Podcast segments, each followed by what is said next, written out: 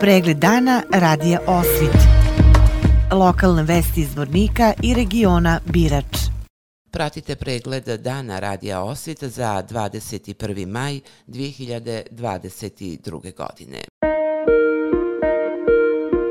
Grad Zvornik danas obilježava 612 godina postojanja, a 21. maj je 2010. godine ustanovljen i prvi put obilježen kao dan opštine, a danas dan grada Zvornik. Tačno prije 612 godina u starim dubrovačkim spisima pisalo je da se na obali rijeke Drine nalazi varoš koja je doba Rimljana bila stanica za odmor na putu za Sirmiju. Mali hor osnovne muzičke škole Vojnko Madin Vojvodina ponovo je sugrađane iznenadio novim spotom, koji je posvećen gradu u kome žive. Spot za rođendan gradu Zvorniku možete pogledati na sajtu radiosi.com ili na našem Facebook profilu.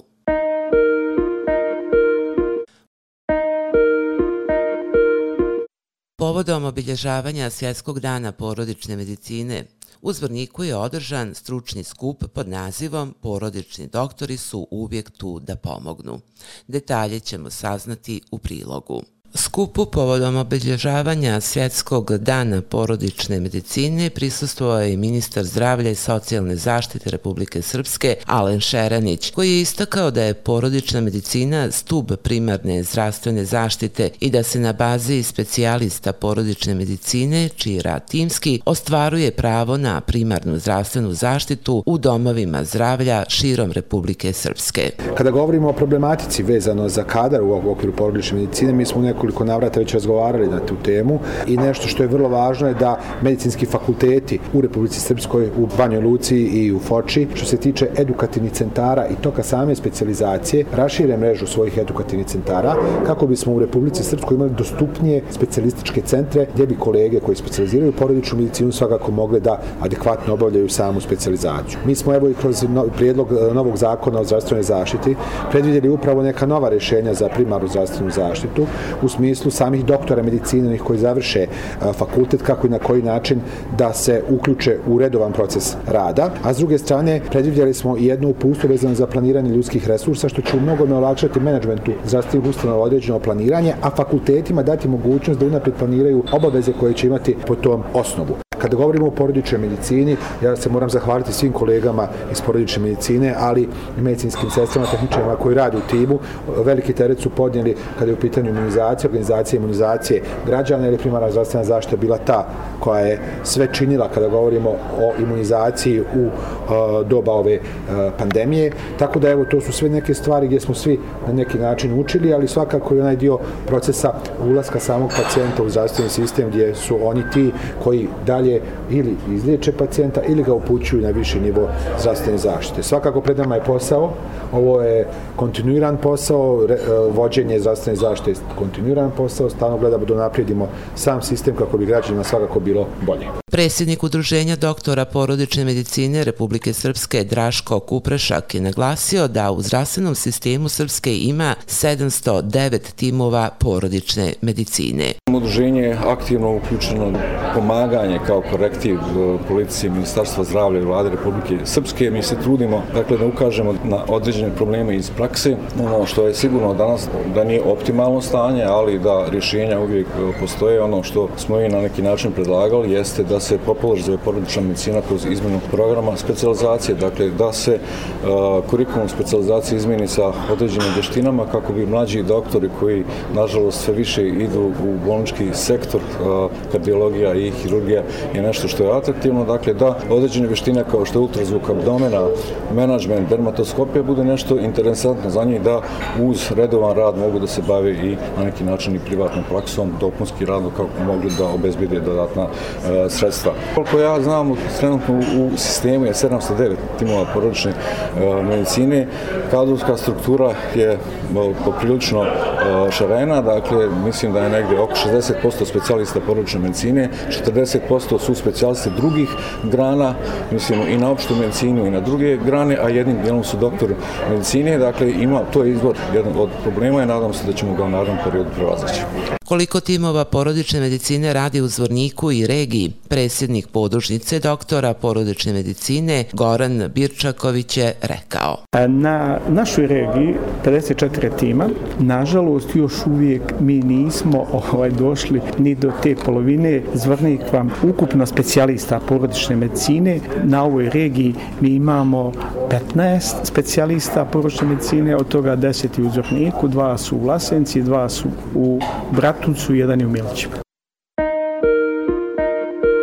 Srednjoškolski centar Petar Kočić sinoć je organizovao prezentaciju monografije Tragom jednog stoljeća, kojom je na neuobičajan i dobro osmišljen način predstavljena stogodišnjica razvoja srednjoškolskog obrazovanja u našem gradu. Kako je protekla prezentacija, čućemo u prilogu.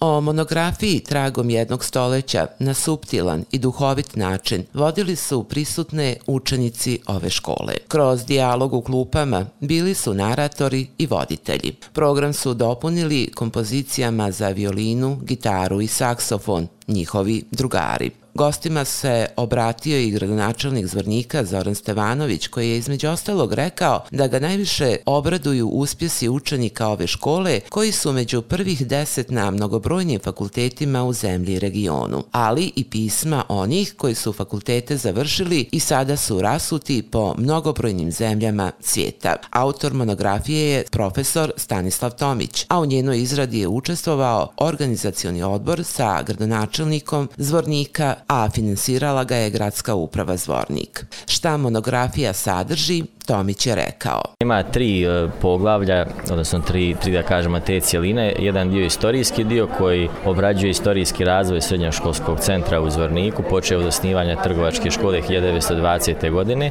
Drugi dio je više reportažen dio u kome smo zaokružili razgovore sa nekadašnjim profesorima škole i njihovim potopcima i treći dio e, monografije u stvari govori uspješnim učenicima naše, naše škole. To je negdje dakle taj koncept i naravno stoji u prilozi u vidu do, dokumenta do koji smo došli kroz istraživanje koje smo dobili recimo iz arhiva Bosne i Hercegovine, arhiva Jugoslavije i tako dalje i fotoalbum čiji je cilj da sačuvamo i neke fotografije koje, su, koje smo našli, a koje bi bilo mnogo da se nađu u tekstu, tako da smo da imamo i taj fotoalbum i otprilike to je negdje kažem koncept same monografije. Da li su tokom istraživanja otkrivene nove činjenice? Tomić kaže.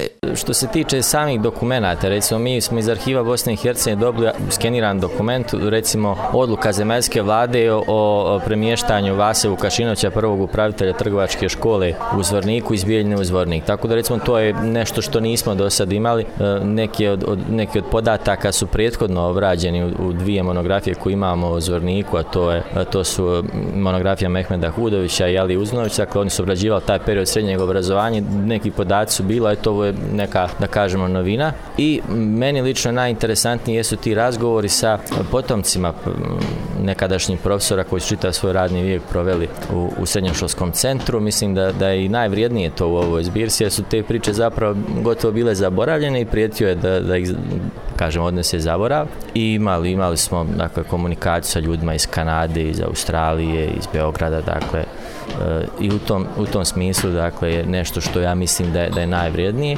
a s druge strane i ovo kako je akademik Miro Vuksanović u recenziji napisao e, da je monografija registar e, ili imenik zvorničke pismenosti.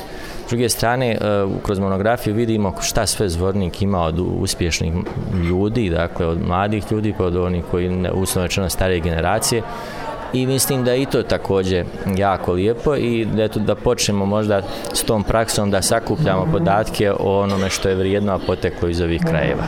Direktorica škole Biljana Pisić podsjetila je da je stogodišnjica trebalo biti obilježena 2020. godine, ali da zbog pandemije virusa korona nisu mogli realizovati program koji su željeli. Monografija je izuzetno zahtjevan posao i mi smo ranije imali zvornički spomenar od našeg pokojnog profesora Zorana Ivanovića, koji je zapravo knjiga koja sveobuhvatno govori o prošlosti zvornika. Uhvatili smo se u koštac sa izradom monografije o srednjoškolskom obrazovanju u zvorniku, ne znajući zaista koliki je to posao, ali jednostavno znali smo da moramo nešto ostaviti budućim generacijama. Taj posao je najviše preuzeo na sebe i profesor Stanislav Tomić, ali imali smo i organizacioni odbor na čelu sa gradonačelnikom i grupom naših profesora, takođe i Budimirom Maćimovićem kao čovjekom koji je bio i učenik i profesor naše škole. E, veliki broj tekstova, veliki broj razgovora, posjeta, e, sve je to zapravo iziskivalo i vrijeme i trud i ogromno zalaganje. I danas sam izuzetno srećna što je evo upravo monografija pred nama. Ovo je nešto što će ostati za buduće generacije. Knjiga je savremena i otvorena, tako da će svako imati priliku u narednom periodu da e, nekoga koga smo mi naravno slučajno zaboravili, za koga nismo znali, da nam dopuni, da kaže nešto o njemu i to će biti pripremljeno za sljedeće, sljedeće izdanje. Danas se održava međunarodni judo turnir Trofej Zvornika. Na turniru koji organizuje omladinski judo i sambo klub Sokolovi, judisti iz Srbije, Hrvatske, Makedonije, Grčke, Crne Gore, Albanije, Austrije, BiH odmeriće snage u sportsko-rekreativnom centru. U oči turnira u Zvorniku su se juče sastali predsjednik Olimpijskog komiteta BiH, profesor dr. Milanko Mučibavić, predsjednik Judo Saveza BiH, profesor dr. Branislav Brane Crnogorac, gradonačelnik Zvornika Zoran Stevanović i predsjednik Zvorničkog kluba Sokolovi i predsjednik Judo Saveza Republike Srpske Ognjen Pavlović. Kako je rekao Pavlović, između ostalog razgovarano je o inicijativi za građenje Centra za borilačke sportove u Zvorniku. Svi su iskazali spremno za pomoć u domenu svog djelovanja u realizaciji ovog istorijskog projekta za sport u našem gradu, rekao je Pavlović. Vijesti iz Loznice. Loznički Zdravko Savanović, dobitnik je prestižne majske nagrade koju dodjeljuje Sportski save Srbije i Ministarstvo sporta i omladine. Savanoviću je ovo vrijedno priznanje uručeno u Skupštini Srbije. Na paraolimpijskim igrama u Tokiju prošle godine Zdravko je osvojio srebrenu medalju u disciplini malokalibarska puška 50 metara. To je bio prvi put da je medalju na paraolimpijskim igrama osvojio strelac koji nema obe šake. Detaljnije na sajtu lozničkenovosti.com. Pregled dana radija Osvit. Lokalne vesti iz Vornika i regiona Birač.